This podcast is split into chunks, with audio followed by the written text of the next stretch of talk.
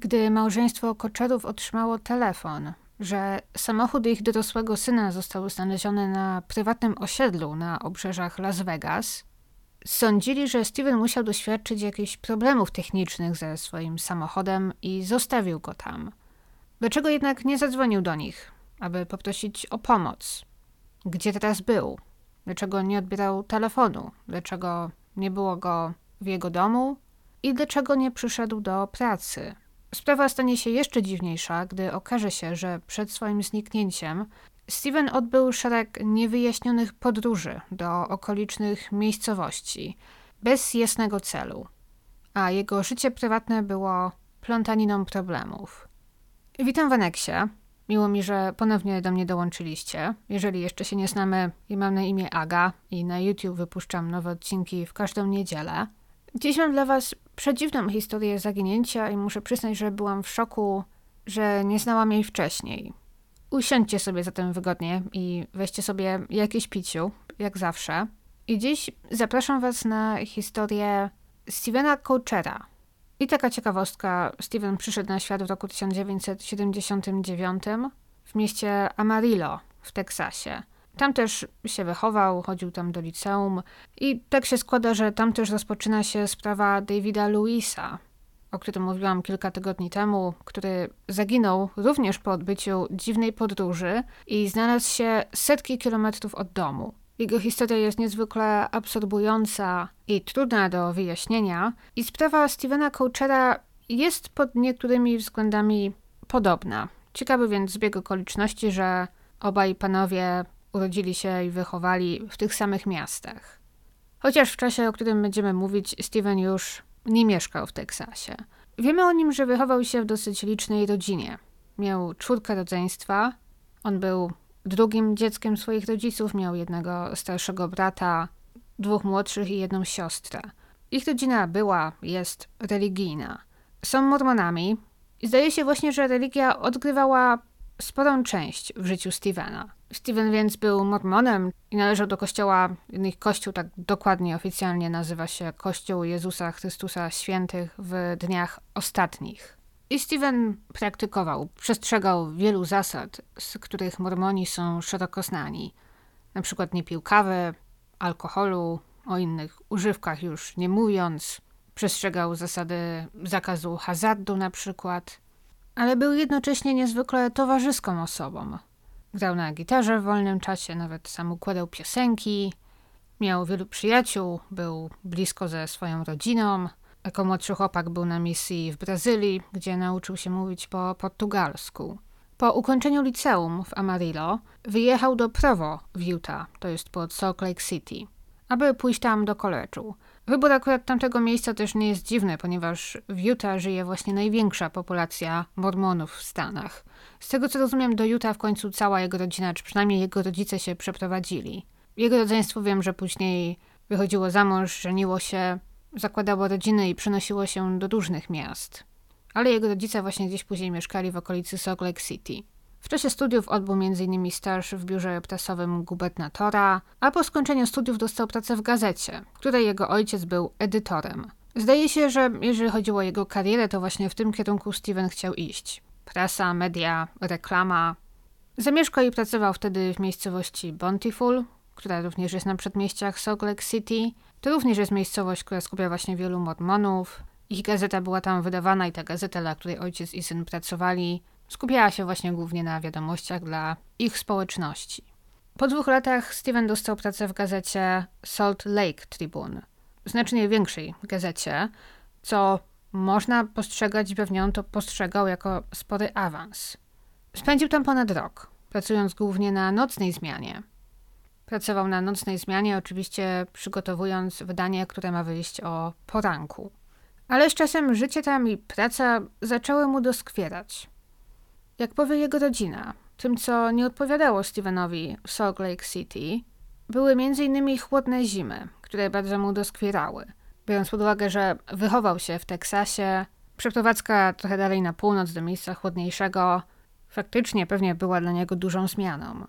Do tego męczyły go nocne zmiany i osobiście bardzo go rozumiem. Praca na nocnej zmianie, wbrew naszemu naturalnemu rytmowi dobowemu, potrafi bardzo negatywnie wpłynąć na nasze zdrowie i samopoczucie. Steven więc potrafił wziąć sprawy w swoje ręce i jeżeli coś mu nie odpowiadało, potrafił i chciał podjąć kroki, aby tę sytuację zmienić. Znalazł więc pracę i przeniósł się na południe stanu Utah do małej miejscowości St. George. Mówię mała, ale obecnie St. George ma prawie 100 tysięcy mieszkańców. W porównaniu z Salt Lake City czy z Las Vegas, o którym też będziemy mówić, jest to oczywiście mniejsze miasto, ale nie jest też to jakaś, nie wiem, malutka wieś. Wynajął tam pokój. W domu mężczyzny nazwiskiem Brett Bishop. To nazwisko będzie jeszcze wracać. W czasie, gdy wprowadził się do tego domu, miał jednego współlokatora imieniem Jordan. Także panowie mieli ten dom do dyspozycji. Każdy z nich miał osobny pokój. Wspólnie oczywiście dzielili kuchnię, łazienkę, salon. W domu był też garaż, z którego nie korzystali. Ten był na użytek właściciela, jak i również znajdował się w tym domu jeden pokój, główna sypialnia, która kiedyś należała do Bretta Bishopa i to również była tylko na jego użytek. Brett Bishop nie mieszkał w tym domu, mieszkał ze swoją żoną i z dziećmi w innym mieście, ale jak później powie Jordan, czyli współlokator Stevena, przyjeżdżał do tego domu, zwykle niezapowiedziany, bez uprzedzenia, znacznie częściej niż Jordan uważałby to za normalne. Także Steven przenosi się na południe Utah. St. George jest tuż przy granicy z Arizoną i Nevadą, więc klimat jest tam łagodniejszy. Przeniósł się tam gdzieś na początku roku 2009. Z tego, co zrozumiałam jeszcze przed przyjazdem tam, to nie było tak, że Steven popatrzył na mapę, wybrał sobie jakieś miasto na południe i uznał, a tam się przeprowadzę i jak już tam będę, to znajdę sobie pracę. On najpierw znalazł tam pracę, a dopiero później się tam przeprowadził. Znalazł pracę w niewielkiej firmie marketingowej. Niestety nie było mu dane popracować tam przez dłużej niż miesiąc. Potem usłyszał, że nie jest najlepszym wyborem do ich zespołu, że nie spełnił oczekiwań. Poza tym firma w tamtym momencie nie radziła sobie najlepiej finansowo i możliwe, że uznali, że to nie był najlepszy moment na zatrudnienie nowej osoby, ponieważ na St. George dosyć mocno odbił się kryzys finansowy z roku 2008. Wcześniej kwitnące biznesy teraz zwalniały pracowników, czy nawet się zamykały. Steven więc nagle wylądował w obcym sobie mieście, gdzie nie miał żadnej rodziny i znajomych. Miał za to rachunki do zapłaty i teraz na szybko musiał szukać nowej pracy. W momencie, gdy wszyscy zwalniali, mało kto zatrudniał. W końcu udało mu się znaleźć pracę. Nie było to pewnie to, czego oczekiwał, ale i tak lepsze niż nic. Pracę na pół etatu przy rozdawaniu ulotek oraz myciu okien dla firmy, która właśnie myciem okien się zajmowała. Generalnie jego zadaniem było właśnie rozdawanie ulotek, jeżdżenie od domu do domu, zostawianie tych ulotek, znajdowanie nowych klientów i ewentualnie wykonywanie zleceń, mycie okien, jeżeli były jakieś dostępne zlecenia.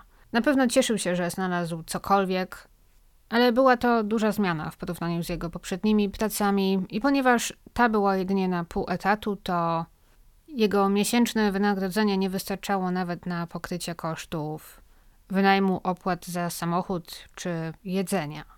Nie ma więc nic dziwnego w tym, że w kolejnych miesiącach jego oszczędności zaczęły topnieć. W ciągu roku 2009, już po tym, gdy wyprowadził się z okolic Salt Lake City, Widział swoich rodziców, dalszych krewnych kilka razy w ciągu tego roku. Przy okazji różnych imprez rodzinnych, jak i w listopadzie w czasie święta dziękczynienia. Jego rodzina wiedziała o tym, że miał problem ze znalezieniem lepiej płatnej pracy, mówił o tym otwarcie, ale też nie chciał pomocy od krewnych. Jak też powie później jego rodzina. W którymś momencie zgaduje tylko, że to mogło być koło święta dziękczynienia, bo wtedy po raz ostatni widział się z większością swojej rodziny, w tym tą dalszą rodziną, jego babcia dała mu czek w prezencie. Steven go przyjął, podziękował, ale nigdy nie spieniężył. Może zapomniał, kto wie, ale jest to dziwne, ponieważ pieniędzy zdecydowanie w tamtym momencie potrzebował. Jak się okazuje, od około trzech miesięcy nie zapłacił za wynajem pokoju w domu, w którym mieszkał. Pokój kosztował go 500 dolarów miesięcznie. Jak powie mężczyzna, który mu ten pokój wynajmował, pod koniec Steven też nie odpisywał na jego smsy i nie odbierał od niego połączeń. Steven był też do tyłu z płatnościami za samochód. Zdecydowanie więc był to ten moment, kiedy pieniądze, które dostał w prezencie, mógł właśnie wykorzystać. Nie do końca jest jasne, dlaczego tego nie zrobił. Coś, co może być lub może nie mieć w ogóle znaczenia, ciężko powiedzieć, ale o czym na pewno warto wspomnieć, to to, że Brad Bishop, czyli mężczyzna, który mu ten dom wynajmował, w końcu gdzieś na początku grudnia zadzwonił do rodziców Stevena z pretensjami, że ich syn od trzech miesięcy nie zapłacił ani grosza za wynajem. Musiało to być dla niego poniżające. Steven w tamtym momencie miał 30 lat. Ktoś, kto wynajmuje mu pokój, nagle dzwoni ze skargą do jego rodziców. Jakby był może, nie wiem, dalej w koledżu i dopiero co wyprowadził się z domu. Intencje brata Bishopa to coś, do czego pewnie jeszcze wrócimy pod koniec tego odcinka, ale oczywiście mogło mu jedynie właśnie chodzić o to, aby te swoje zaległe pieniądze dostać. Może sądził, że gdy powie o tym jego rodzicom, to albo wywrze to jakiś nacisk na Stevena, aby w końcu mu te pieniądze oddał, albo jego rodzice, gdy o tym usłyszą, po prostu sami Bishopowi te pieniądze przeleją. Nie przelali. I to jest tylko moje wrażenie i moje zdanie, ale wydaje mi się, że Steven bardzo tak chciał żyć samodzielnie w tamtym momencie, z dala od rodziny. I za żadne skarby nie chciał prosić ich o pomoc, ani przyjmować od nich pomocy. No bo łatwo policzyć, że wisiał Bretowi Bishopowi 1500 dolarów. To nie jest mała kwota, ale też nie jest jakiś wielki majątek. Gdyby Steven za niedługo znalazł normalną pracę na pół etatu, na pewno byłby w stanie taki dług spłacić dosyć prędko. Ale oczywiście, żeby Bishop dał mu spokój, żeby, nie wiem, nie wyrzucił go z tego domu, powinien spróbować zapłacić mu chociaż za miesiąc jak najprędzej. Więc sens miałoby, że w takim wypadku zwróciłby się z prośbą o pomoc do najbliższych. A jednak z jakiegoś powodu tego nie robi. Fakt, że przeprowadził się z dala od rodziny, dzieliło ich około 5 godzin jazdy samochodem, no to chyba wpłynął nie tylko łagodniejszy klimat, czy to, że właśnie przykrzyło mu się życie w Salt Lake City. Nie wiem, czy pomiędzy nim a jego rodziną coś się wydarzyło, coś konkretnego, co mogłoby wywołać fakt, że chciał się przeprowadzić tak daleko. A może miał takie poczucie, że czas na przykład odciąć pępowinę, że nie stało się nic złego. Ale może miał takie poczucie, że na przykład właśnie nie usamodzielni się, jeżeli nie wyjedzie gdzieś dalej. Do tego dochodziło też to, i to zasugerowało wiele osób z jego otoczenia, że Steven miał 30 lat, a nie ożenił się jeszcze, nie miał dziewczyny. A w ich kościele jest właśnie spory nacisk na małżeństwo. Wyjście za mąż, czy ożenienie się i założenie rodziny jest w kościele dosyć ważne, kładzie się na to duży nacisk. Steven był drugi najstarszy z rodzeństwa i jego młodsze rodzeństwo zdążyło już pozakładać rodziny, wyprowadzić się, a on wciąż, mimo że miał w przeszłości kilka dziewczyn, spotykał się z kilkoma dziewczynami w ciągu swojego życia, jakoś nie mógł sobie tej jednej, jedynej wybranki znaleźć. Przez całe swoje dorosłe życie praktycznie był członkiem takiego, powiedzmy, ich kościelnego klubu dla singli, gdzie właśnie mormoni z ich kościoła mogą się poznać i z tej okazji też właśnie wychodził z wieloma kobietami na randki, z kilkoma spotykał się przez dłuższy czas, ale te związki zawsze w końcu się rozpadały. Możliwe więc, że sądził, że jeżeli przyniesie się w nowe miejsce, to to da mu taki, wiecie, nowy, świeży start. Niektórzy sądzą, że może Steven wyjechał też tak daleko, ponieważ może na przykład miał dosyć tego, jak surowa była ich religia, że może gdyby chciał trochę na przykład zmienić swój styl życia, to jego rodzice bardzo mocno by temu oponowali, więc uznał, że wyjedzie gdzieś dalej. Może, ale trzeba też zwrócić uwagę, że praktycznie od razu, gdy przeprowadził się do St. George, dołączył do tamtejszego kościoła mormonów, od razu stał się tam bardzo aktywny i wszystko wskazuje na to, że był tak samo religijny jak wcześniej. Niech was to też jednak wszystko nie zwiedzie, bo pamiętam, że gdy pierwszy raz zaczęłam czytać o tej sprawie i się w nią zagłębiać, to gdy przeczytałam właśnie o jego problemach finansowych, o tym, że przeprowadził się w inne miejsce, że wcześniej życie w Salt Lake City mu się przykrzyło, brzmiało to trochę tak, jakby miał depresję, problemy finansowe. To wszystko zdaje się trochę zmierzać w tym kierunku, że, że Steven mógł chcieć zakończyć swoje życie. Że to do tego wszystko zmierza. Steven popełnił samobójstwo. Ale zaczekajcie jeszcze, bo gdzie rzeczywiście są dowody na to, że Steven miał problemy, to ta sprawa jest znacznie bardziej skomplikowana. Pomówmy teraz o dniach prowadzących do jego zniknięcia. 7 grudnia 2009 roku Steven pojawił się wieczorem na wieczornej kolacji w swoim kościele. To była taka przedświąteczna kolacja. Wszyscy, którzy widzieli go tamtego dnia, zapamiętali, że był pogodny, w dobrym humorze i wszystko, przynajmniej z pozoru, zdawało się być w porządku.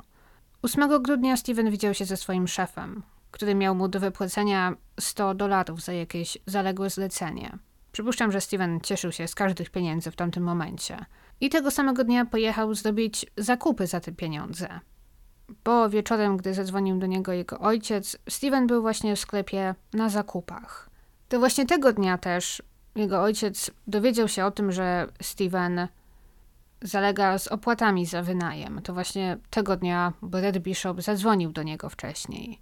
I teraz jego ojciec, Ralph, zadzwonił, aby wypytać, czy wszystko w porządku, co się stało i aby właśnie zaoferować mu pożyczkę, lub nawet, że zapłaci za jego wynajem do czasu, aż Steven nie znajdzie pracy na pełen etat.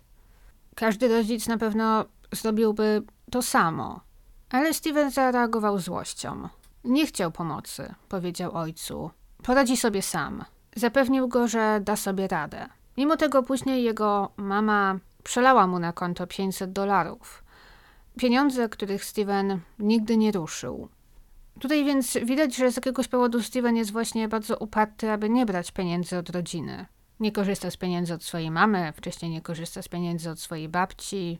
Ale następnego dnia Steven zadzwonił do rodziców, rozmawiał ze swoją mamą i między innymi przeprosił za swoje zachowanie dnia poprzedniego. Powiedział, że trochę go poniosło.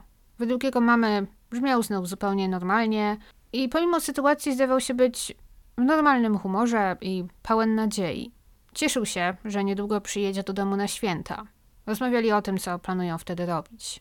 Wszyscy sądzili wtedy, i prawdopodobnie tak było, w czasie gdy Steven rozmawiał ze swoją mamą przez telefon, był w St. George, gdzie oczywiście wtedy mieszkał i pracował. Tak dochodzimy do 10 grudnia, a w zasadzie do nocy, z 9 na 10, do wczesnych godzin porannych 10 grudnia, bo nagle o 6.45 rano Steven jest w Salt Lake City, 5 godzin na północ od St. George. Wiemy, że tam był dokładnie o tej godzinie, ponieważ zatankował tam na stacji benzynowej. 6.45, 5 godzin jazdy, więc musiał wyjechać z St. George gdzieś około północy, pierwszej nad ranem. Wiemy oczywiście, że dokładnie o tej godzinie zatankował, ponieważ dokonał tam transakcji. Ktoś może powiedzieć, nie ma w tym niczego dziwnego, w końcu miał tam rodzinę, może pojechał ich odwiedzić. Ale wcale do nich nie pojechał. I mimo, że rozmawiał z nimi dzień wcześniej, nie wspomniał też o tym, że będzie tam następnego dnia. Najwyraźniej więc nie to było jego celem. Ruszył dalej, na zachód od Salt Lake City i następnie w miasteczku West Wendover znów dokonał kolejnego zakupu na stacji benzynowej około 6 rano.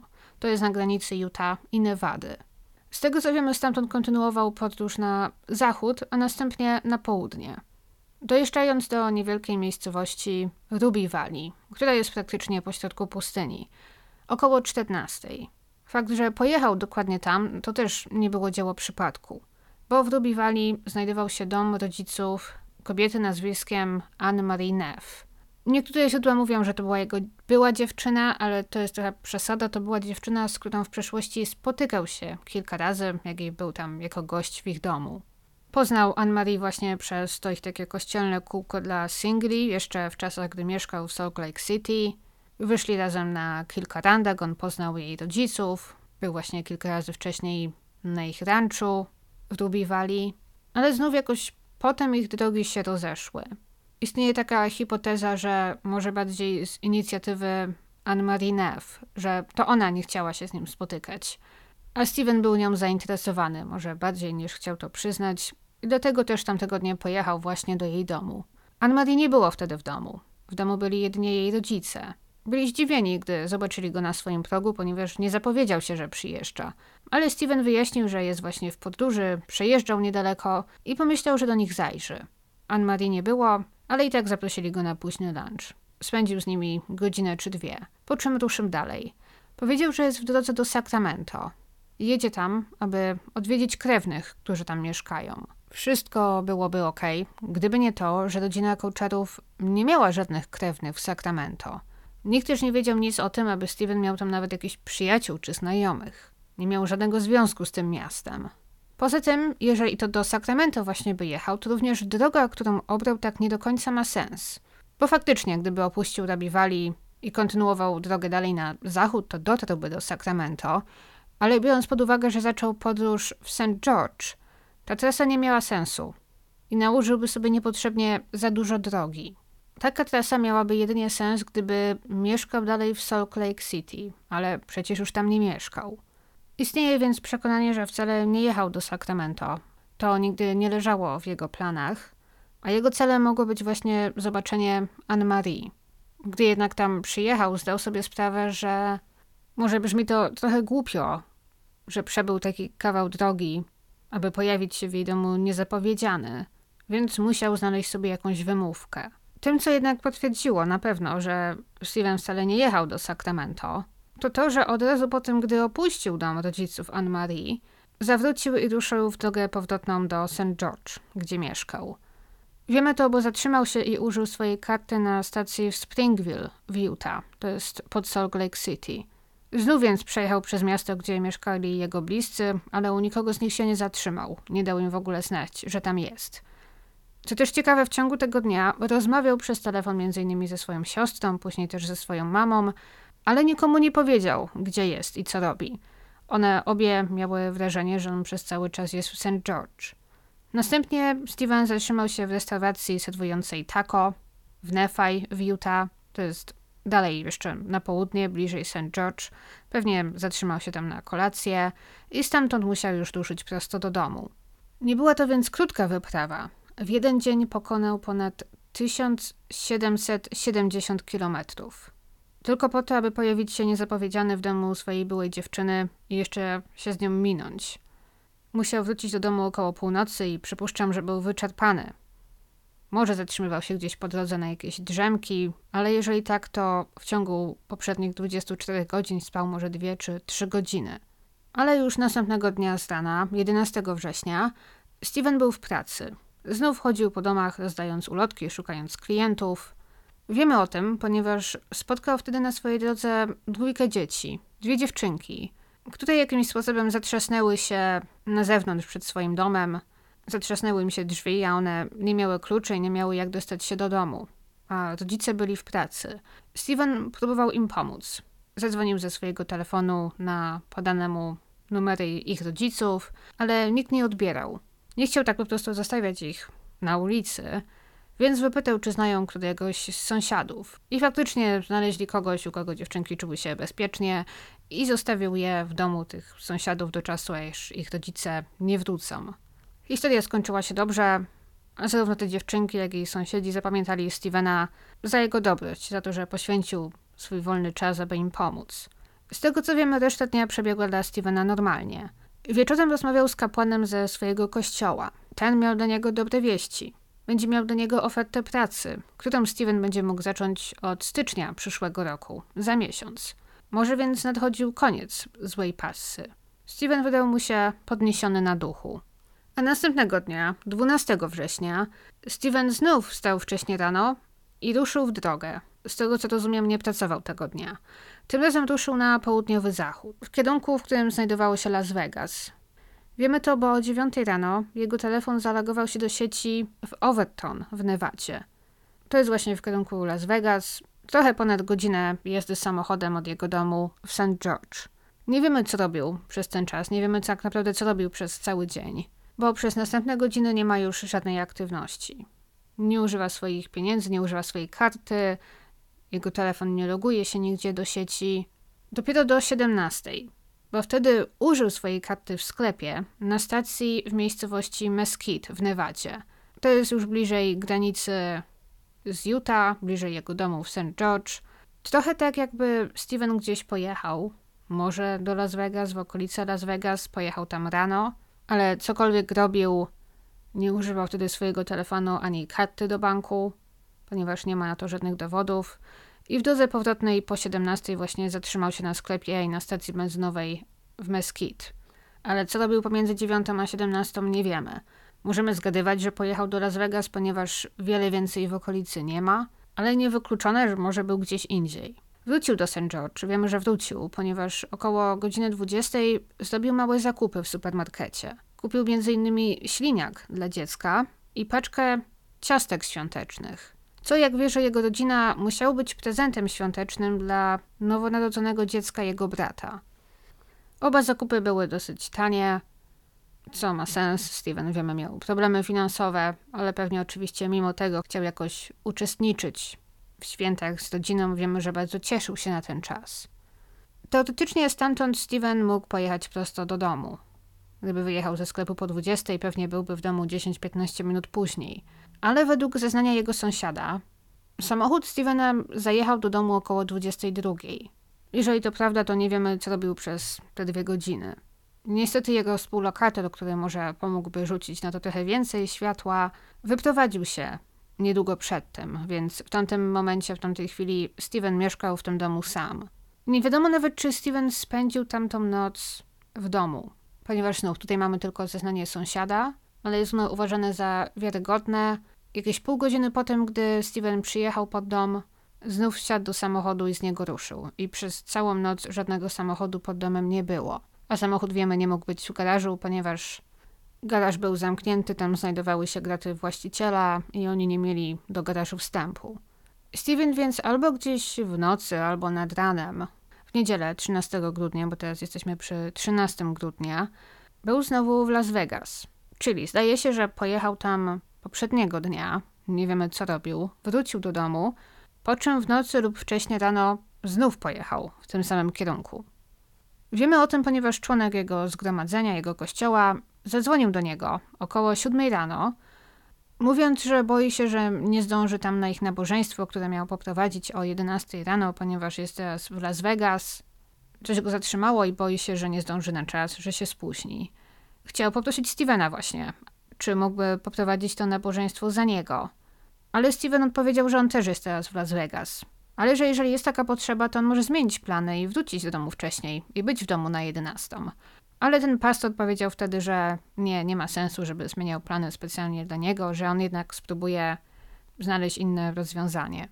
Nie zapytał wtedy, co Steven robi w Las Vegas, a Steven też nie zaoferował wyjaśnienia. Oczywiście ktoś mógłby teraz zażartować, że co dwóch mormonów, niezależnie od siebie, w dzień wolny robi w stolicy hazardu, skoro mormonom hazardu uprawiać nie wolno. Więc może coś w tym jest, ale jednocześnie Las Vegas to było najbliższe duże miasto dla mieszkańców St. George, więc wszyscy mieszkańcy jeździli tam często z różnych powodów. Niekoniecznie po to, aby się bawić, bo poza tym, że mamy tam oczywiście hazard, jest to miasto jak każde inne, więc ludzie z mniejszych miast przyjeżdżają tam na zakupy, na wizyty u jakiegoś lekarza specjalisty, różne załatwienia i możliwe, że chodziło o to. Z tym, że nie wiemy po co Steven by tam jechał. Nie miał żadnego spotkania, żadnej wizyty, o jakiej wiemy. Raczej też nie pojechał tam robić jakichś wielkich zakupów, bo przecież nie miał na to pieniędzy. Ale wiemy na pewno, że Steven nie skłamał, jeżeli chodzi o jego lokalizację. Bo gdy otrzymał to połączenie, to jego telefon faktycznie połączył się z wieżą przekaźniczą na obrzeżach Las Vegas. Niedługo później inny członek ich zgromadzenia zadzwonił do Stevena – z pytaniem organizacyjnym w sprawie ich nabożeństwa znowu. Z tego co rozumiem, Steven miał prowadzić nabożeństwo o godzinie 13 tamtego dnia. I on dzwonił właśnie w jakichś sprawach organizacyjnych, jeżeli o to chodzi. Chyba chciałaby Steven wygłosił tam jakieś ogłoszenie, ale Steven znów jemu powiedział, że tego dnia go nie będzie, że nie ma go w mieście i że nie poprowadzi tego nabożeństwa. Co jest trochę zaskoczeniem, bo dwie godziny wcześniej Steven, rozmawiając z tym innym mężczyzną, był gotów zawrócić i wrócić do St. George na 11, aby poprowadzić to wcześniejsze nabożeństwo. Nie powiedział też nic wtedy o tym, że nie wróci do miasta na czas. A teraz na ostatnią chwilę praktycznie mówi, że w ogóle go nie będzie. Co też wcześniej mu się nie zdarzyło. Zdarzyło mu się oczywiście, że coś mu wypadło, że nie mógł się pojawić, ale zawsze dawał wcześniej znać. A tutaj zdaje się, że gdyby nie ten przypadkowy telefon, Steven nie powiedziałby nikomu, że nie będzie go tamtego dnia. To połączenie, jak wiemy, również odbiło się od wieży w Las Vegas. I teraz przechodzimy do, można powiedzieć, kluczowego momentu, bo wiemy, że następnie Steven przyjeżdża na takie drogie, bogate osiedle domów jednorodzinnych, które nazywa się Sun City Atem i którego mieszkańcy to głównie seniorzy. Znajduje się ono na przedmieściach Las Vegas, na południe od centrum. Wiemy, że dokładnie o 11.54 jego samochód przejechał ulicą w tym sąsiedztwie, ulicą, która nazywa się Savannah Springs. I zatrzymał się na końcu tej ulicy, w tak zwanym cul-de-sac. Cul-de-sac to jest takie coś, co często spotyka się na amerykańskich przedmieściach. Jest to właśnie ślepa uliczka, która kończy się czasem takim niedużym, okrągłym placem i wokół niego zbudowane są domy. On się tam na końcu tej ulicy zatrzymał i po pięciu minutach, o 11.59, a wiemy, że było to dokładnie o tej godzinie i o której godzinie w ogóle jego samochód tam przyjechał, wiemy to oczywiście dzięki kamerze, która była zamontowana przy domu jednego z mieszkańców. O 11.59 w kierunku od samochodu nadchodzi ktoś, kto według rodziny jest Stevenem.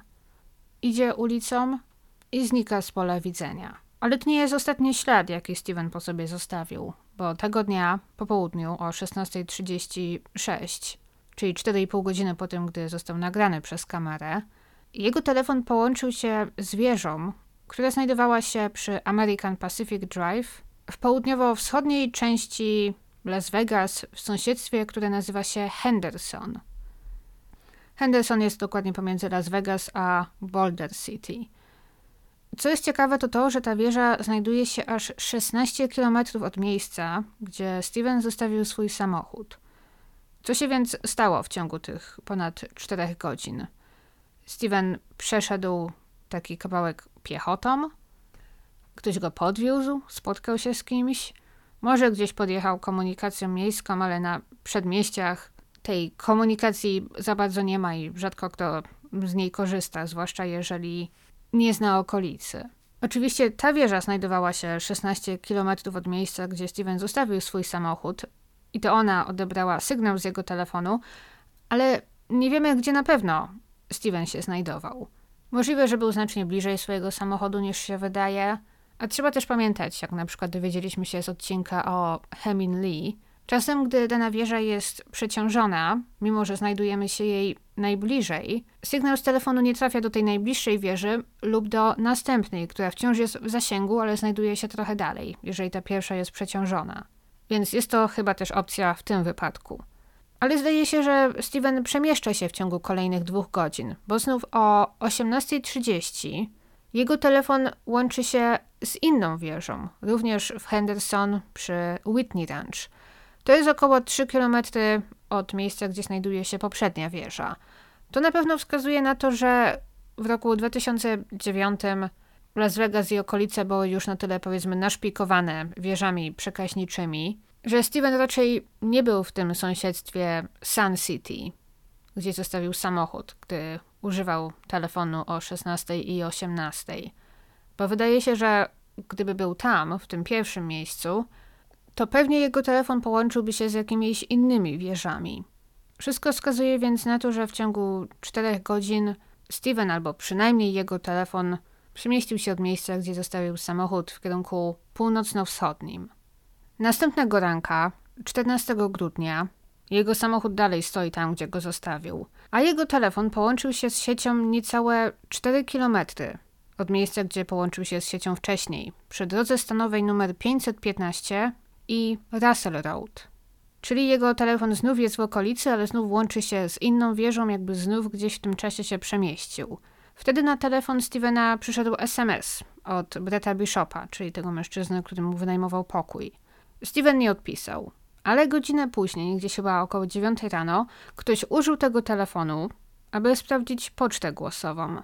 Dowód na to, że ten telefon, nie wiem, nie został gdzieś wyrzucony na pobocze drogi czy do śmieci nie znajdował się w śmieciace na przykład, do tego się przemieszczał, ponieważ ktoś musiał fizycznie go odblokować i zadzwonić na pocztę głosową. Prawdopodobnie Steven. Co może wskazywać na to, że cokolwiek się stało, żył jeszcze i był cały i zdrowy dzień po tym, gdy porzucił swój samochód. Jeżeli oczywiście zakładamy, że to on korzystał z tego telefonu. Później jednak na tym telefonie nie ma już żadnej aktywności, ale telefon został w pobliżu tej konkretnej wieży przez następne dwa dni włączony. Za każdym razem, gdy przychodziła na niego wiadomość, czy ktoś na ten telefon dzwonił, telefon łączył się z tą samą wieżą przy drodze numer 515 i Russell Road. Ale na telefonie nie było już żadnej aktywności wychodzącej. Nikt nie dzwonił, nie wysyłał z niego wiadomości, nie sprawdzał poczty głosowej. Więc teraz już jest możliwe, że po prostu leżał gdzieś sobie porzucony. Po dwóch dniach przestał wysyłać sygnał, co może wskazywać na to, że pewnie padła w nim bateria. Od tego czasu jego telefon nie był aktywny i do dziś nie został znaleziony. Czyli dwa dni po tym, gdy Steven, powiedzmy, porzucił swój samochód, dzień potem, gdy korzystał ze swojego telefonu po raz ostatni, ale gdy jego telefon był jeszcze aktywny w okolicy Las Vegas, ktoś w końcu postanowił zrobić coś z jego samochodem zaparkowanym na osiedlu Sun City. To było dosyć drogie osiedle, które ma patrol sąsiedzki. Mieszkają tam ludzie na emeryturze i niektórzy właśnie praktycznie od razu zwrócili uwagę na ten obcy samochód. Ktoś w końcu zajrzał do tego samochodu i zobaczyli w środku masę ulotek firmy myjącej okna z St. George w Utah. Na ulotce było widać numer telefonu, więc zadzwonili na ten numer. Sądzili, że może była to na przykład jakaś ekipa, która myła okna, samochód się zepsuł i go tu porzucili. No i teraz chcieli, żeby ktoś przyjechał, ten samochód zabrał na przykład.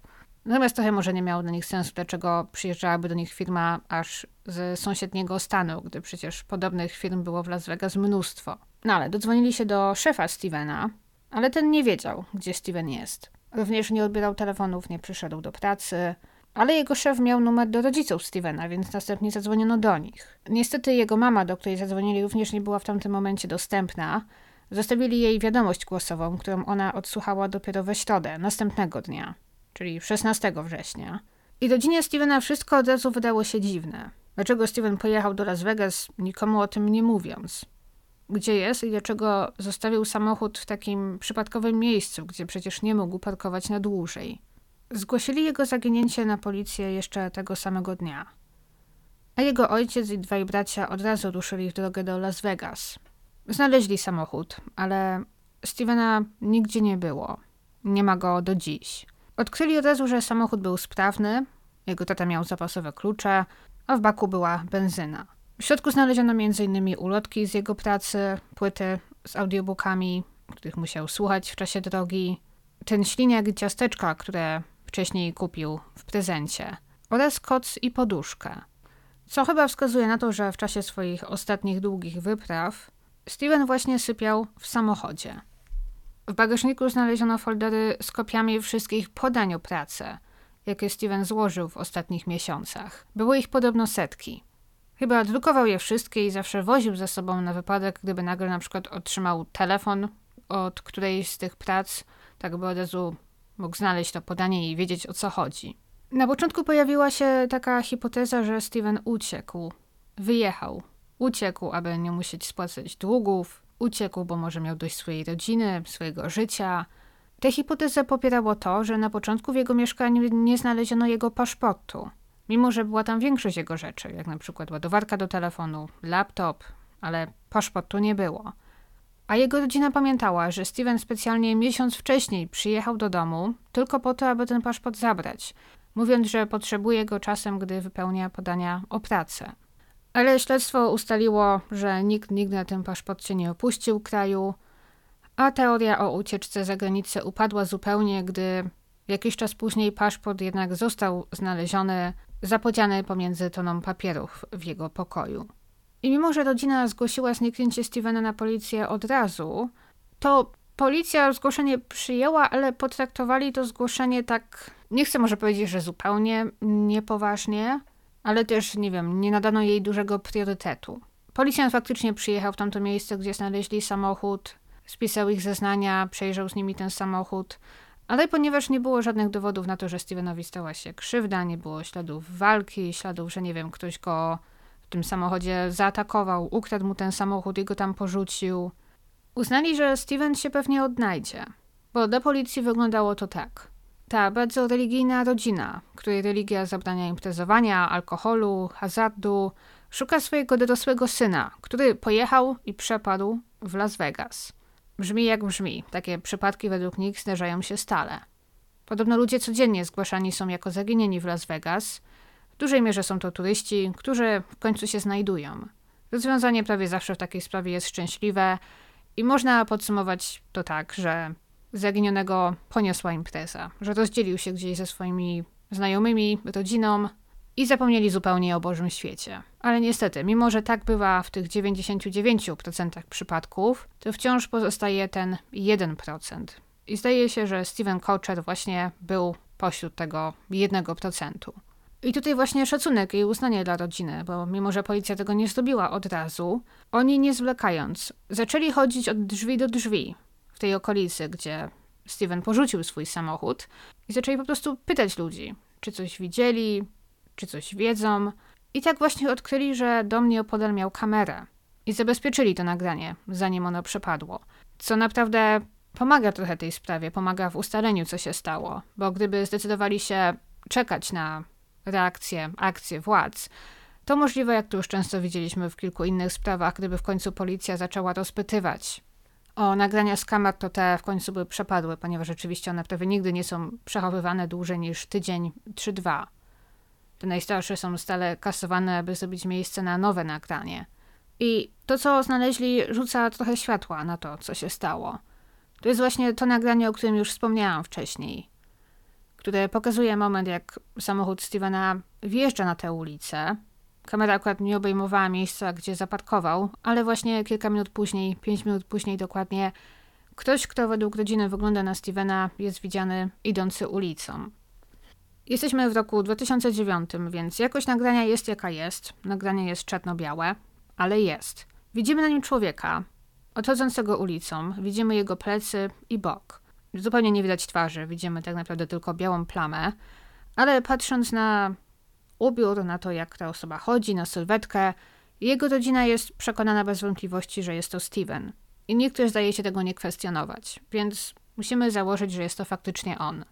Spróbuję wam pokazać to nagranie albo chociaż jakieś ujęcia z niego. Wielu osobom wydaje się, że Steven trzyma coś pod pachą. Jakąś teczkę na dokumenty, folder, torbę, coś w tym stylu. Ale nagranie jest na tyle niskiej jakości, że w sumie równie dobrze mówić na przykład zgięte ramię i rękę włożoną do kieszeni kurtki. I ta ręka jest po prostu, wiecie, trochę wygięta pod takim nienaturalnym kątem i pod jego ramieniem widać cień. I to trochę wygląda jakby coś niósł, ale ja osobiście nie potrafię powiedzieć na pewno, czy on tam coś niesie, czy to tylko tak wygląda. Wiemy, że stamtąd skręcił w ulicę Evening Lights, co nie do końca ma sens. Jeżeli założymy, że chciał tylko zostawić w tamtym miejscu swój samochód, porzucić go i wyjść w ogóle z tego sąsiedztwa, przemieścić się gdzieś dalej, gdzieś właśnie, gdzie jego telefon później logował się do sieci. A nie ma to sensu, bo to jest właśnie takie typowe amerykańskie przedmieście. Zgrupowanie domów jednorodzinnych z wieloma ślepymi uliczkami. I do tego jednego sąsiedztwa, do tej jednej ulicy był tylko jeden wjazd. Tylko jedno miejsce, gdzie to sąsiedztwo ma wyjazd na ulicę szybkiego ruchu obok. W żaden inny sposób nie da się stamtąd wydostać. Nawet pieszo, ponieważ domy są zbudowane ściśle koło siebie, i mają z tyłu ogrodzenia. Może gdzieś uda się przecisnąć między nimi, jeżeli idziemy pieszo, ale generalnie wyjście z tego sąsiedztwa jest tylko jedno. I zmierzam do tego, że jeżeli Steven chciał wyjść z tej okolicy, to ta droga Evening Lights nie prowadzi donikąd. Zakręca i wraca do Savannah Springs albo do następnej drogi. I po prostu wszystkie drogi prowadzą do Rzymu. W końcu i tak, jeżeli chciałby wyjść z tego sąsiedztwa, to wyszedłby tym samym wyjściem a skręcenie w drogę Evening Lights, gdzie on skręcił, powodowało, że tylko obszedłby ją całą naokoło i po prostu dokładał sobie drogi. Co wskazuje może na to, że nie znał tej okolicy i nie był tam wcześniej. Albo odwrotnie, dokładnie wiedział, gdzie idzie. Szedł do czyjegoś domu przy tamtej ulicy. Do konkretnego domu z powodu niezupełnie jasnego. Niektórzy uważają, że właśnie tak było, że Steven miał jakieś spotkanie, był z kimś umówiony w którymś z tych domów dokładnie o godzinie 12. Dlatego widzimy, że jego samochód wjeżdża na tą ulicę, parkuje o 11.54, po czym zdaje się Steven siedzi kilka minut w samochodzie. Pomimo, że zaparkował tuż obok tej kamery, to nie widzimy go, jak idzie ulicą przez kolejne 5 minut. Co więc zrobił przez te 5 minut? Niektórzy właśnie sądzą, że, że czekał trochę, ponieważ przyjechał kilka minut za wcześnie i chciał pojawić się w tym domu punkt 12. Ale to właśnie też ciekawe, że jeżeli miał tam gdzieś z kimś jakieś spotkanie, dlaczego nie pojechał, nie zaparkował bezpośrednio pod domem, do którego zmierzał? To miałoby więcej sensu. To znów prowadzi nas do podejrzenia, że może ktoś mu nakazał, aby zaparkował właśnie tam, aby nie zaparkował bezpośrednio pod tym domem. Bo o cokolwiek chodziło, chodziło o coś nielegalnego. Albo ktoś już może miał takie intencje, żeby zrobić Stevenowi krzywdę i jakoś przekonał go, aby nie parkował bezpośrednio pod jego domem. O tym jeszcze zaraz. Dopiero 30 grudnia i przez następnych kilka dni przeprowadzono bardzo duże, dokładne, zorganizowane poszukiwania wokół okolicy, gdzie Steven porzucił swój samochód. W poszukiwaniach wzięło udział ponad 70 osób. Poszukiwania nie przyniosły żadnych rezultatów. Nie wiem, nie jestem pewna, czy wykorzystano wtedy psy topiące. Wiem, że często o to pytacie, jeżeli zapomnę o tym wspomnieć. I wykorzystanie psów topiących właśnie często przynosi ciekawe rezultaty nowe tropy, ale problem w tym, że poszukiwanie rozpoczęto 30 grudnia. To już było dobrze ponad dwa tygodnie po tym, gdy Steven przejechał i przeszedł tą ulicą, więc możliwe, że upłynęło zbyt dużo czasu. Tak się złożyło, że ktoś z dalszej rodziny Stevena pracował w przemyśle nabiałowym i zorganizował, aby zdjęcie Stevena z informacją o jego zniknięciu pojawiło się na kartonach na mleko. To taki bardzo amerykański zwyczaj. Kiedyś na kartonach na mleko drukowano zdjęcia zaginionych dzieci. Teraz jest już to raczej rzadziej praktykowane, ponieważ udowodniono, że raczej nie przynosi to rezultatów, a straszyło inne dzieci, które widziały te zdjęcia i ogłoszenia na przykład codziennie przy śniadaniu. Jest nawet takie powiedzenie w Stanach, że jeżeli ktoś żyje w jakiś ryzykowny sposób, robi coś ryzykownego, ryzykuje życie, to mówi się właśnie, że, cytuję, skończy na kartonie na mleko. Poza tym też jego rodzina wydrukowała i rozwiesiła masę ulotek z jego zdjęciem, właśnie w okolicy, gdzie jego samochód znaleziono. Jest to więc dziwna sytuacja, tak dla krótkiego podsumowania. Steven z niejasnego powodu przyjeżdża do okolicy, w której z tego co wiemy nigdy nie był. Nikogo nie znał. Zostawia tam samochód. O 12 w południe. Odchodzi z tego samochodu, trzymając przy sobie może jakąś niewielką torbę i znika. Nie jest już nigdy więcej na tej kamerze widziany, nie wraca nigdy do samochodu, ale jego telefon pozostaje aktywny.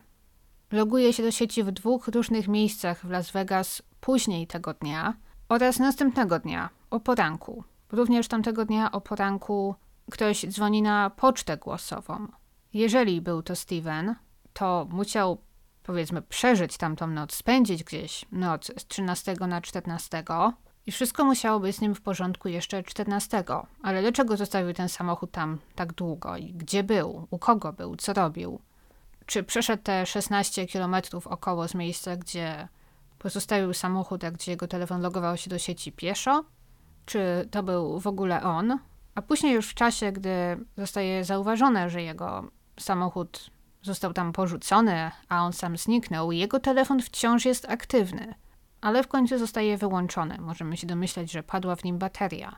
I nie mamy już w ogóle pojęcia, co dzieje się ze Stevenem czy z jego telefonem później, ponieważ nigdy więcej już żadnej aktywności jego telefon nie wykazał po 16 grudnia. Nie ma też już żadnej aktywności na jego koncie bankowym, co powoduje, że trochę też upada ta początkowa hipoteza policji, że Steven poszedł grać w kasynach czy imprezować. Po pierwsze, był w długach, nie miał za bardzo pieniędzy. No ale gdyby tak było, pewnie gdzieś użyłby swojej karty. A żadnej transakcji nie było. Pojawiła się też hipoteza, że Steven miał jakąś gotówkę i aby wyjść z długów w akcie jakiejś desperacji po prostu pojechał do kasyna i wiecie, postawił na przykład, nie wiem, na ruletce wszystko na jeden kolor, uznając, że 50-50, albo mi się uda, albo mi się nie uda. Ale aby mu się to opłaciło, musiałby mieć sporo gotówki, a z tego co wiemy, nie miał żadnej gotówki żadnej dużej gotówki. Gdyby miał jakąś większą gotówkę, to wszystko, co musiał zrobić, to po prostu spłacać mężczyznę, któremu wynajmuje dom. 1500 dolarów to przecież nie jest ogromny dług. Znaleziono laptopa, którego Steven zostawił w swoim mieszkaniu. Sprawdzono jego e-maila, wszystko co na tym komputerze się znajdowało i znów niczego nie znaleziono. Żadnych dowodów na to, że Steven planował wyprawę do Las Vegas, że z kimś się w Las Vegas miał spotkać, że miał tam na przykład, nie wiem, rozmowę o pracę, bo to też zdaje się być dosyć sensowne. Steven szuka pracy i może ponieważ nie udawało mu się to w St. George, no to zaczął szukać w kolejnym, najbliższym dużym mieście, jakim było Las Vegas. Ma to sens, tam na pewno było więcej. Ale jeżeli tak było, to znów nie znaleziono na to, że niestety żadnych dowodów, że on kiedykolwiek składał podanie o jakąś pracę w Las Vegas, że szukał tam pracy, że z kimś się tam kontaktował. Przynajmniej nie ma żadnych informacji na jego laptopie. Ale problem w tym, że w domu, gdzie Steven mieszkał, w roku 2009 nie było jeszcze Wi-Fi. Nie miał Wi-Fi w domu, korzystał tam z komputera, ale bez internetu. Więc chodził do pobliskiej biblioteki, gdzie czasem korzystał z komputerów, a czasem po prostu przychodził tam z laptopem, gdy tak było wygodniej i tam łączył się z Wi-Fi. Wiemy, że korzystał z komputerów, ponieważ biblioteka prowadziła wykaz aktywności członków. Musiał się tam podpisać, że korzysta z komputera, ale nikt już nie śledził tego, co użytkownicy na tych komputerach robią. Więc jeżeli kontaktował się z kimś w Las Vegas, na przykład w taki sposób, to te informacje przepadły już na zawsze. Był jeszcze taki pomysł, że tego dnia, gdy zaginął, jak i na przykład poprzedniego dnia, gdy wiemy, że pojechał gdzieś w okolice Vegas, ale nie wiemy, co robił tego dnia, że Steven po prostu tak trochę wziął, wiecie, sprawy w swoje ręce, że pojechał tam ze, z ulotkami ze swojej pracy, bo wiemy, że rzeczywiście te ulotki były w samochodzie i że może na przykład miał nadzieję znaleźć klientów w tamtej okolicy. Pojechał do okolicy, która faktycznie była dosyć droga, miała droższe domy, mieszkali tam głównie ludzie na emeryturze, więc ludzie, którzy może faktycznie byliby gotowi zapłacić komuś za to, aby umył im okna. Może chciał tym sposobem znaleźć więcej klientów i tym samym sposobem zarobić. Albo kto wie, może nawet chciał to zrobić tak trochę po cichu, nie mówiąc swojemu szefowi, wiecie, po prostu pojawić się i umyć ludziom okna, zgarnąć gotówkę i nic nikomu nie mówić. Ale to, co tu nie pasuje, to to, że nie miał przy sobie żadnego sprzętu, niczego, czym mógł te okna umyć. Nie widać, aby niósł coś takiego przy sobie. Jeżeli coś niósł pod pachą, to było to zdecydowanie zbyt małe, a w samochodzie też niczego nie znaleziono.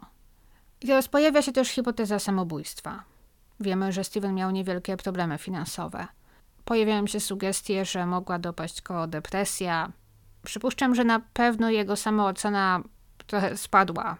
Fakt, że nie mógł znaleźć stałej pracy, nie było go nawet stać na to, aby płacić za swój wynajem. Do tego fakt, że był singlem w wieku lat 30, to na pewno wpływało na jego samopoczucie, na jego życie negatywnie. Nie mówię, że do tego stopnia, aby pchnąć go do samobójstwa, ale wiemy, że jakieś problemy były. Do tego ta dziwna podróż, trzy dni przed swoim zniknięciem, dziwna podróż w tajemnicy przed wszystkimi. Podróż do domu jego byłej dziewczyny, nawet niedoszłej dziewczyny. Bez zapowiedzi, bez powodu. Mówi, że jedzie do rodziny do Sacramento, ale żadnej rodziny nie ma i później od razu zawraca i wraca do domu. Co to miało być? Niektórzy sądzą, że Anne-Marie, mimo że spotykali się tak krótko, miała dla niego większe znaczenie niż chciał to przyznać. Może bardzo się w niej zakochał, mimo że ona nie była nim zainteresowana, więc była to może forma jakiegoś pożegnania przed tym, gdy chciał odebrać sobie życie. Albo może była to taka ostatnia szansa, powiedzmy. Może dał sobie jeszcze jedną szansę, aby spróbować zejście z Anne-Marie i jakoś swoje życie naprawić. Fakt, że Steven jedzie w raczej obce sobie rejony, gdzie nikt go nie zna, i porzuca samochód zdaje się przypadkowym miejscu, po czym znika, może przechodzi pieszo wiele kilometrów, to wszystko może wskazywać na to, że chciał odebrać sobie życie i chciał zrobić to w miejscu, gdzie nikt go nie znajdzie. Może nie chciał, aby jego rodzina wiedziała, że popełnił samobójstwo. Może właśnie chciałaby wyglądało to tak, że na przykład uciekł. Biorąc pod uwagę aspekty religijne, nie wiem czy u Mormonów też tak jest, ale wyobrażam sobie, że też samobójstwo jest traktowane jako grzech. Więc może jakąś taką naciąganą logiką uznał, że jeżeli jego nie będzie, nie będzie jego ciała, to jego rodzinie będzie lżej. Mimo, że mam wrażenie, że jest na odwrót, oni by właśnie woleli wiedzieć, co się z nim stało. Ale oczywiście ludzki mózg w depresji nie zawsze działa w najbardziej logiczny sposób. Ale są też znowu rzeczy, które wskazują na to, że może wcale nie planował odebrać sobie życia. No bo Steven robi duże zakupy żywieniowe niedługo przed swoim zniknięciem. W jego lodówce znaleziono sporo jedzenia, którego nie zdążył zjeść. I wiemy, że było to jego jedzenie, a nie jego współlokatora, ponieważ jego współlokator wcześniej się wyprowadził. Dzień przed kupuje też prezenty świąteczne dla swojej rodziny. Plus są jeszcze inne aspekty tej sprawy, które wskazują na to, że może ona być znacznie bardziej złożona niż się na początku wydaje. Żeby wam to wyjaśnić, musimy na chwilę wrócić do mężczyzny, który wynajmował mu pokój w swoim domu, Breta Bishopa. Bo okazuje się, że w sierpniu roku 2009 Brett Bishop został aresztowany. Okazało się, że był mniej czy bardziej zamieszany w handel kradzionymi samochodami. Zresztą w jego posiadaniu znaleziono Porsche Cayenne, które jak się właśnie okazało zostało skradzione. Poza tym w garażu w domu, w którym je trzymał, znaleziono dużo broni, prawie cały arsenał, sporo leków na receptę, głównie silnych leków przeciwbólowych, wiele z nich uzależniających i często właśnie z tego powodu kontrolowanych. Wszystkie były wystawione na różne nazwiska, nigdy na jego nazwisko. Oraz, co może najmniej problematyczne, małą hodowlę marihuany. I ten wątek z lekami jest bardzo ciekawy, bo okazuje się, że wcześniej Brett Bishop pracował dla takiej firmy, która zajmowała się dostarczaniem leków do placówek medycznych. To nie była taka apteka per se, bo to nie była apteka, do której można było wejść i kupić leki. To po prostu bardziej coś w stylu, nie wiem, magazynu z lekami. I ta firma dostawała takie duże recepty, na przykład ze szpitali, z różnych placówek medycznych, z domów seniora. Oni to wszystko przygotowywali, odliczali, ile tabletek tam jest potrzebne i właśnie pracą Breta Bishopa było dostarczanie tych leków. I on jakiś czas wcześniej, przed tymi wydarzeniami, został stamtąd zwolniony, bo odkryto, że stale tu i tam te leki podkradał. Tu i tam te leki ginęły i w końcu wpłynęła anonimowa wskazówka do firmy, w której pracował, aby przyjrzeć się Bretowi i faktycznie okazywało się, że leki ginęły zawsze podczas jego zmian – Brett oficjalnie został zwolniony, ale tak się złożyło, że był przyjacielem, dobrym przyjacielem mężczyzny, który prowadził tę firmę. I tutaj stało się coś takiego, że właśnie on, mimo że on oficjalnie Breta zwolnił, to mam wrażenie, że dalej pozwolił mu dla nich pracować tylko tak na czarno, bo później pojawia się taka wersja, że Brett pracował dla nich jako wolontariusz. Wątpię, że robiłby to za darmo. Przypuszczam, że po prostu dostawał pieniądze na boku. I teraz okazało się, że Podejrzenia wobec niego były jak najbardziej prawidłowe, bo właśnie masa tych różnych pokradzionych leków została znaleziona w jego domu. Istnieje takie podejrzenie, że Brett, czy to we współpracy z innymi ludźmi, czy nie, po prostu sprzedawał je na boku, aby zarobić. I teraz pojawia się taka sugestia, taki scenariusz. Brett, jak widać, jest mężczyzną zdecydowanie podejrzanym, zamieszanym w różne lewe interesy. I tutaj w tej historii jest akurat trochę dziur, bo nie do końca wiadomo, jak miałby je sprzedawać i komu. Nie do końca wiadomo, co on z tymi lekami robił po tym, gdy je przejmował.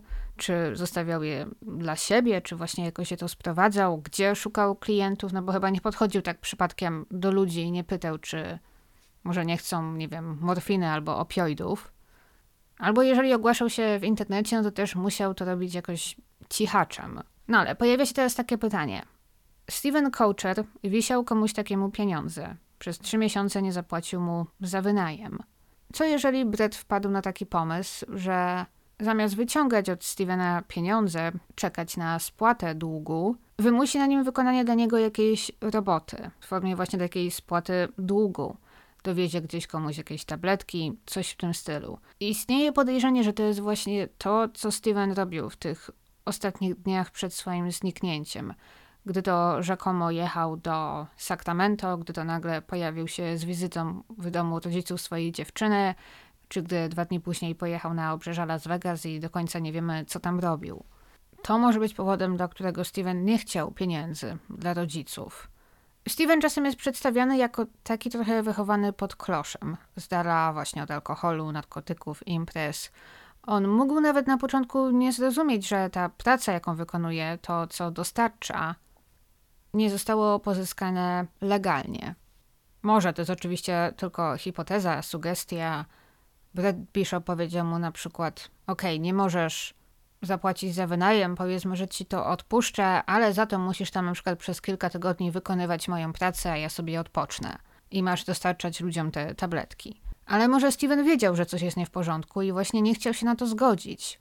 I to to spowodowało, że Brad Bishop nagle zadzwonił do jego rodziców, aby się tak w cudzysłowie poskarżyć. Może chciał tym sposobem jakoś wywrzeć presję na Stevena. Nie możesz mnie ani spłacić, ani nie chcesz mi pomóc przyjąć mojego zlecenia, więc ja ci tutaj będę teraz uprzykrzał życie. I to jest przynajmniej jedna rzecz, która zdaje się pasować do tego, co Steven robi 13 grudnia. To znaczy, ta hipoteza całkiem dobrze pasuje do wszystkich jego działań tego dnia.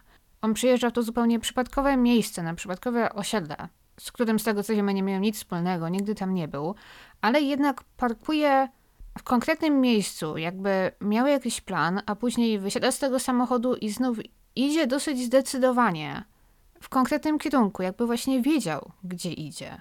I to brzmi tak, jakby właśnie ktoś go tam pokierował, jakby ktoś mu kazał pójść w to miejsce. Plus jeszcze te podejrzenia, że na nagraniu widać, jakby niósł coś pod pachą. Może rzeczywiście coś miał komuś dostarczyć. Tylko, że wydarzyło się coś złego. To nawet jeszcze bardziej pasuje do tego, dlaczego na przykład Brad Bishop chciałby do jakiegoś zlecenia, jakiejś roboty wysłać kogoś innego, a nie pojechać osobiście. Co jeżeli był jakiś problem? Co jeżeli osoba, której miał coś dostarczyć, groziła mu, była nieobliczalna? Co jeżeli Brett tej osobie był coś winien, czy miał z nią jakieś problemy? I może właśnie uznał, że o Jezu, nie chce się z nim spotykać, nie chce do niego jechać. Namówię Stevena. I posłał go w szponę jakiegoś szaleńca, na przykład. No ale to teraz pytanie, czy sprawdzono wszystkich mieszkańców tego sąsiedztwa? Czy wypytywano we wszystkich domach, do których on potencjalnie mógł pójść? I odpowiedź brzmi tak. Zarówno rodzina Stevena na własną rękę wszystkich wypytywała, później wypytywała też policja. Rozmawiano ze wszystkimi mieszkańcami. Nie było tam za wiele podejrzanych osób, ponieważ mieszkali tam właśnie głównie seniorzy, ludzie na emeryturze, którzy w takim wieku już raczej nie są jakimiś wielkimi przestępcami, ale są wyjątki. Co ciekawe, 13 lat później, stosunkowo niedawno, pojawił się nowy świadek, osoba anonimowa, która twierdzi, że w tamtym czasie mieszkała przy ulicy Evening Lights, w domu w pobliżu którego Steven przeszedł tamtego dnia, zanim zniknął. I teraz ten świadek mówi, i teraz ten świadek mówi, że tamtego dnia, 13 grudnia, pamięta, że do jego drzwi zapukał mężczyzna, wyglądający jak Steven, jakiś młody mężczyzna, ale on czy ona, w sumie nie wiem, otworzył te drzwi z opóźnieniem, był tam bardzo zajęty. I gdy te drzwi otworzył, to Steven już zdążył odejść od drzwi. Sądził, że po prostu nikogo nie ma w domu, bo zajęło to tyle czasu i stał na ulicy i oddalał się od domu. Ale gdy usłyszał, że drzwi się otwierają, to odwrócił się i zapytał: Potrzebujesz pieniędzy? Ale ta osoba w ogóle nie wiedziała o co chodzi, nie znała Stevena, nie spodziewała się nikogo, nie wiedziała o co chodzi z tymi pieniędzmi. I Steven w końcu odwrócił się i poszedł dalej, jeżeli to był on, jeżeli to się wydarzyło. I ten świadek podsumował to tak, przedstawił to tak. Odniósł takie wrażenie, że Steven jakby pomylił domy. Zorientował się, że zadzwonił dzwonkiem do złych drzwi, albo gdy ta osoba wyszła i zobaczył, że ona nie wie o co chodzi, to po prostu odwrócił się i poszedł i poszedł pod właściwy adres. I tutaj według tej osoby poszedł do pobliskiego domu, domu, który znajdował się dokładnie dwa domy dalej. Ale pamiętajmy, ten świadek zgłosił się 13 lat później. Dlaczego nie wcześniej? Wiemy, że policja ze wszystkimi rozmawiała. Zdaje się, że to byłoby właśnie coś, o czym należałoby wspomnieć policji. Są powody, żeby trochę wierzyć w zeznanie tego świadka, ponieważ on wskazał dokładnie, do którego domu Steven poszedł po tym, gdy zorientował się, że może zapukał do złych drzwi. I sęk w tym, że ten dom, na który on wskazał i osoba, która w tym domu mieszkała, to już było coś, o czym rozmawiano od lat. Bo zdaje się, że była to jedyna osoba przy tej ulicy, która była do pewnego stopnia podejrzana. Chodzi o dom pod numerem 2260 Evening Lights. Ten dom należał do takiego starszego małżeństwa, rodziny nazwiskiem DeMaggio, które akurat 13 grudnia, gdy Steven się tam pojawił, już w tym domu nie mieszkało. Jakiś czas wcześniej kupili dom, który zresztą znajdował się nie tak daleko od poprzedniego i tam się przeprowadzili. Głównie dlatego, że na starość uznali, że po prostu chcą mieć mniejszy dom, bo tak będzie im wygodniej. Także dom, główny dom 2260 był pusty, ale z tyłu znajdowała się taka mała, można powiedzieć, szopa albo dom ogrodnika, domek gościnny. I w tym domu dalej mieszkał ich dorosły syn, 41-letni Mark. I teraz tak się złożyło, że policja właśnie, gdy w grudniu i później w styczniu próbowała spisać zeznania wszystkich sąsiadów, zapytać, czy coś widzieli, to z nikim z tego domu właśnie długo, długo nie mogli się skontaktować. Widzieli przez okno, że w środku nie ma mebli, więc ktoś się stamtąd wyprowadził. Ale przed domem cały czas zaparkowany był samochód. Samochód, który czasem znikał, później znowu się pojawiał, więc ktoś do tego domu przyjeżdżał. Sąsiedzi również potwierdzili, że często widzieli tam samochód, a nawet kilka. W końcu właśnie dowiedzieli się, że ten samochód, który tak często widzą, należy do Marka, który mieszka na tyłach domu. Zostawiali podobno wiele razy kartkę w drzwiach, że chcą z nim porozmawiać, spisać jego zeznanie, aby się do nich zgłosił. I Mark z jakiegoś powodu bardzo się ociągał. Może był zajęty, może serio nic nie widział, nic nie wiedział i sądził, że nie ma nic do powiedzenia policji, w niczym nie pomoże, więc nie ma się co spieszyć. Udało im się z nim porozmawiać dopiero 18 lutego, dwa miesiące po zniknięciu Stevena. Ale Mark DiMaggio powiedział, że nic nie wie, nigdy nie poznał Stevena, gdy zobaczył jego zdjęcie, nie rozpoznał go. Chociaż policjanci później powiedzą, że gdy wypytywali go właśnie o Stevena, zdawał się być bardzo zdenerwowany. O Marku nie wiadomo za wiele, ale pojawiły się takie niepotwierdzone podejrzenia, zarzuty, że miał jakiś problem z narkotykami. Poza tym był bardzo tajemniczy, jeżeli chodziło o rozmowy z policjantami. Nie chciał właśnie za wiele powiedzieć o swoim życiu prywatnym. Policjanci wypytywali go o jeszcze jedną rzecz. Bo również dowiedzieli się od kilku sąsiadów, że tamtego popołudnia, gdy Steven zaginął, 13 grudnia, przed jego domem, czy domem jego rodziców, tak dokładniej, zaparkowany był samochód przeprowadzkowy. I ktoś tam, nie wiem, czy ekipa, czy ktoś inny, ale ładowano tam jakieś meble, pudła i ten samochód w końcu odjechał. Jego rodzice, państwo DeMaggio, wyprowadzili się stamtąd już dużo wcześniej, więc raczej nie były ich rzeczy, chociaż może, ponieważ dom jeszcze nie został sprzedany czy wynajęty, może były tam jakieś rzeczy, których jeszcze nie zdążyli zabrać. Ale Mark powiedział, że to były jego rzeczy, że on wyprowadza się też powoli z tego domu dla gości, w którym mieszka z tyłu, i że po prostu zabierał swoje rzeczy do swojego nowego domu, mimo że nie chciał policjantom powiedzieć, gdzie obecnie mieszka. Za powód swojej tajemniczości podał że ogólnie nie ufa ludziom. Istnieje takie przekonanie, że Mark DiMaggio był właśnie dosyć dziwnym typem i, i z całej tej ulicy, na której Steven był po raz ostatni widziany, to on wydaje się być najbardziej podejrzany, ale nie ma żadnego dowodu, aby Steven kiedykolwiek wcześniej z Markiem się kontaktował. Nie ma też na przykład żadnych dowodów na to, że Brad Bishop i Mark DiMaggio znali się czy kontaktowali się ze sobą w jakiś sposób. To miałoby sens, gdyby na przykład Brad wysłał właśnie Stevena z dostawą do domu Marka, ale nie ma na to żadnych dowodów. Co też ciekawe, gdyby na przykład faktycznie Steven został gdzieś wysłany, miał coś dostarczyć w miejscu, w którym wcześniej nie był, na jakimś osiedlu gdzieś na przedmieściach, to spodziewałabym się właśnie, że gdzieś miałby na przykład zapisany adres, pod który jedzie, byłaby gdzieś, nie wiem, otwarta mapa, alas samochodowy, adres byłby gdzieś zaznaczony, miałby jakieś, nie wiem, wskazówki, jak tam dojechać. Może zabrał je ze sobą, gdy zaginął, ale w samochodzie niczego nie znaleziono. Jest to więc ciekawy trop, ale znów donikąd nie prowadzi. Ciężko powiedzieć, czy pojawi się kiedyś jeszcze odpowiedź, co stało się ze Stevenem. Kto miał jego telefon potem, gdy zniknął? Kto sprawdzał jego pocztę głosową, czy był to on, czy ktoś inny? Co później stało się z tym telefonem? Obawiam się, czy obawiam się. Będzie to jakieś rozwiązanie tej sprawy, jeżeli na przykład ciało Stevena zostanie ostatecznie znalezione. Osobiście podejrzewam, że może ono się znajdować gdzieś na tych pustkowiach, na pustyni, które Las Vegas otaczają, ale po tylu latach zapewne, jeżeli zostanie to ciało kiedyś znalezione, to będzie to tylko szkielet, i często w takich przypadkach bywa tak, że jeżeli nie ma jakichś na przykład widocznych oznak przemocy, to nie sposób też określić przyczynę śmierci. O, ale to jest jeszcze jeden ciekawy wątek. To, że później jego telefon loguje się do sieci, zdaje się, z tego samego miejsca. Bo przez dwa dni loguje się do sieci w tej samej wieży, czyli przez dosyć długi czas ten telefon musiał znajdować się jakimś, na jakimś niewielkim obszarze, może w jednym konkretnym miejscu przez minimum dwa dni a później może padła w nim bateria, więc chyba jest gdzieś dalej, może leży gdzieś dalej. Ciekawi mnie, czy próbowano prowadzić poszukiwania właśnie na tym obszarze, który tamta wieża obejmowała. Co ciekawe, jest to blisko miasta i jest to teren właśnie głównie miejski, więc nie ma tam zbyt wielu miejsc, gdzie nie wiem, można ukryć ciało. Chyba oczywiście, że Steven znajduje się, nie wiem, na jakiejś prywatnej posesji. Ale to właśnie miałam na myśli, mówiąc, że jest to sprawa bardziej złożona niż tylko ktoś z problemami, kto wyjeżdża i znika. Jest tutaj zdecydowanie więcej wątków i są podejrzenia, że Stevenowi mogło stać się coś złego. Jestem ciekawa, co wy sądzicie. I to chyba wszystko, co dla was dziś miałam. Dzięki za słuchanie, dzięki za oglądanie. Jesteście super i słyszymy się za tydzień. Pa!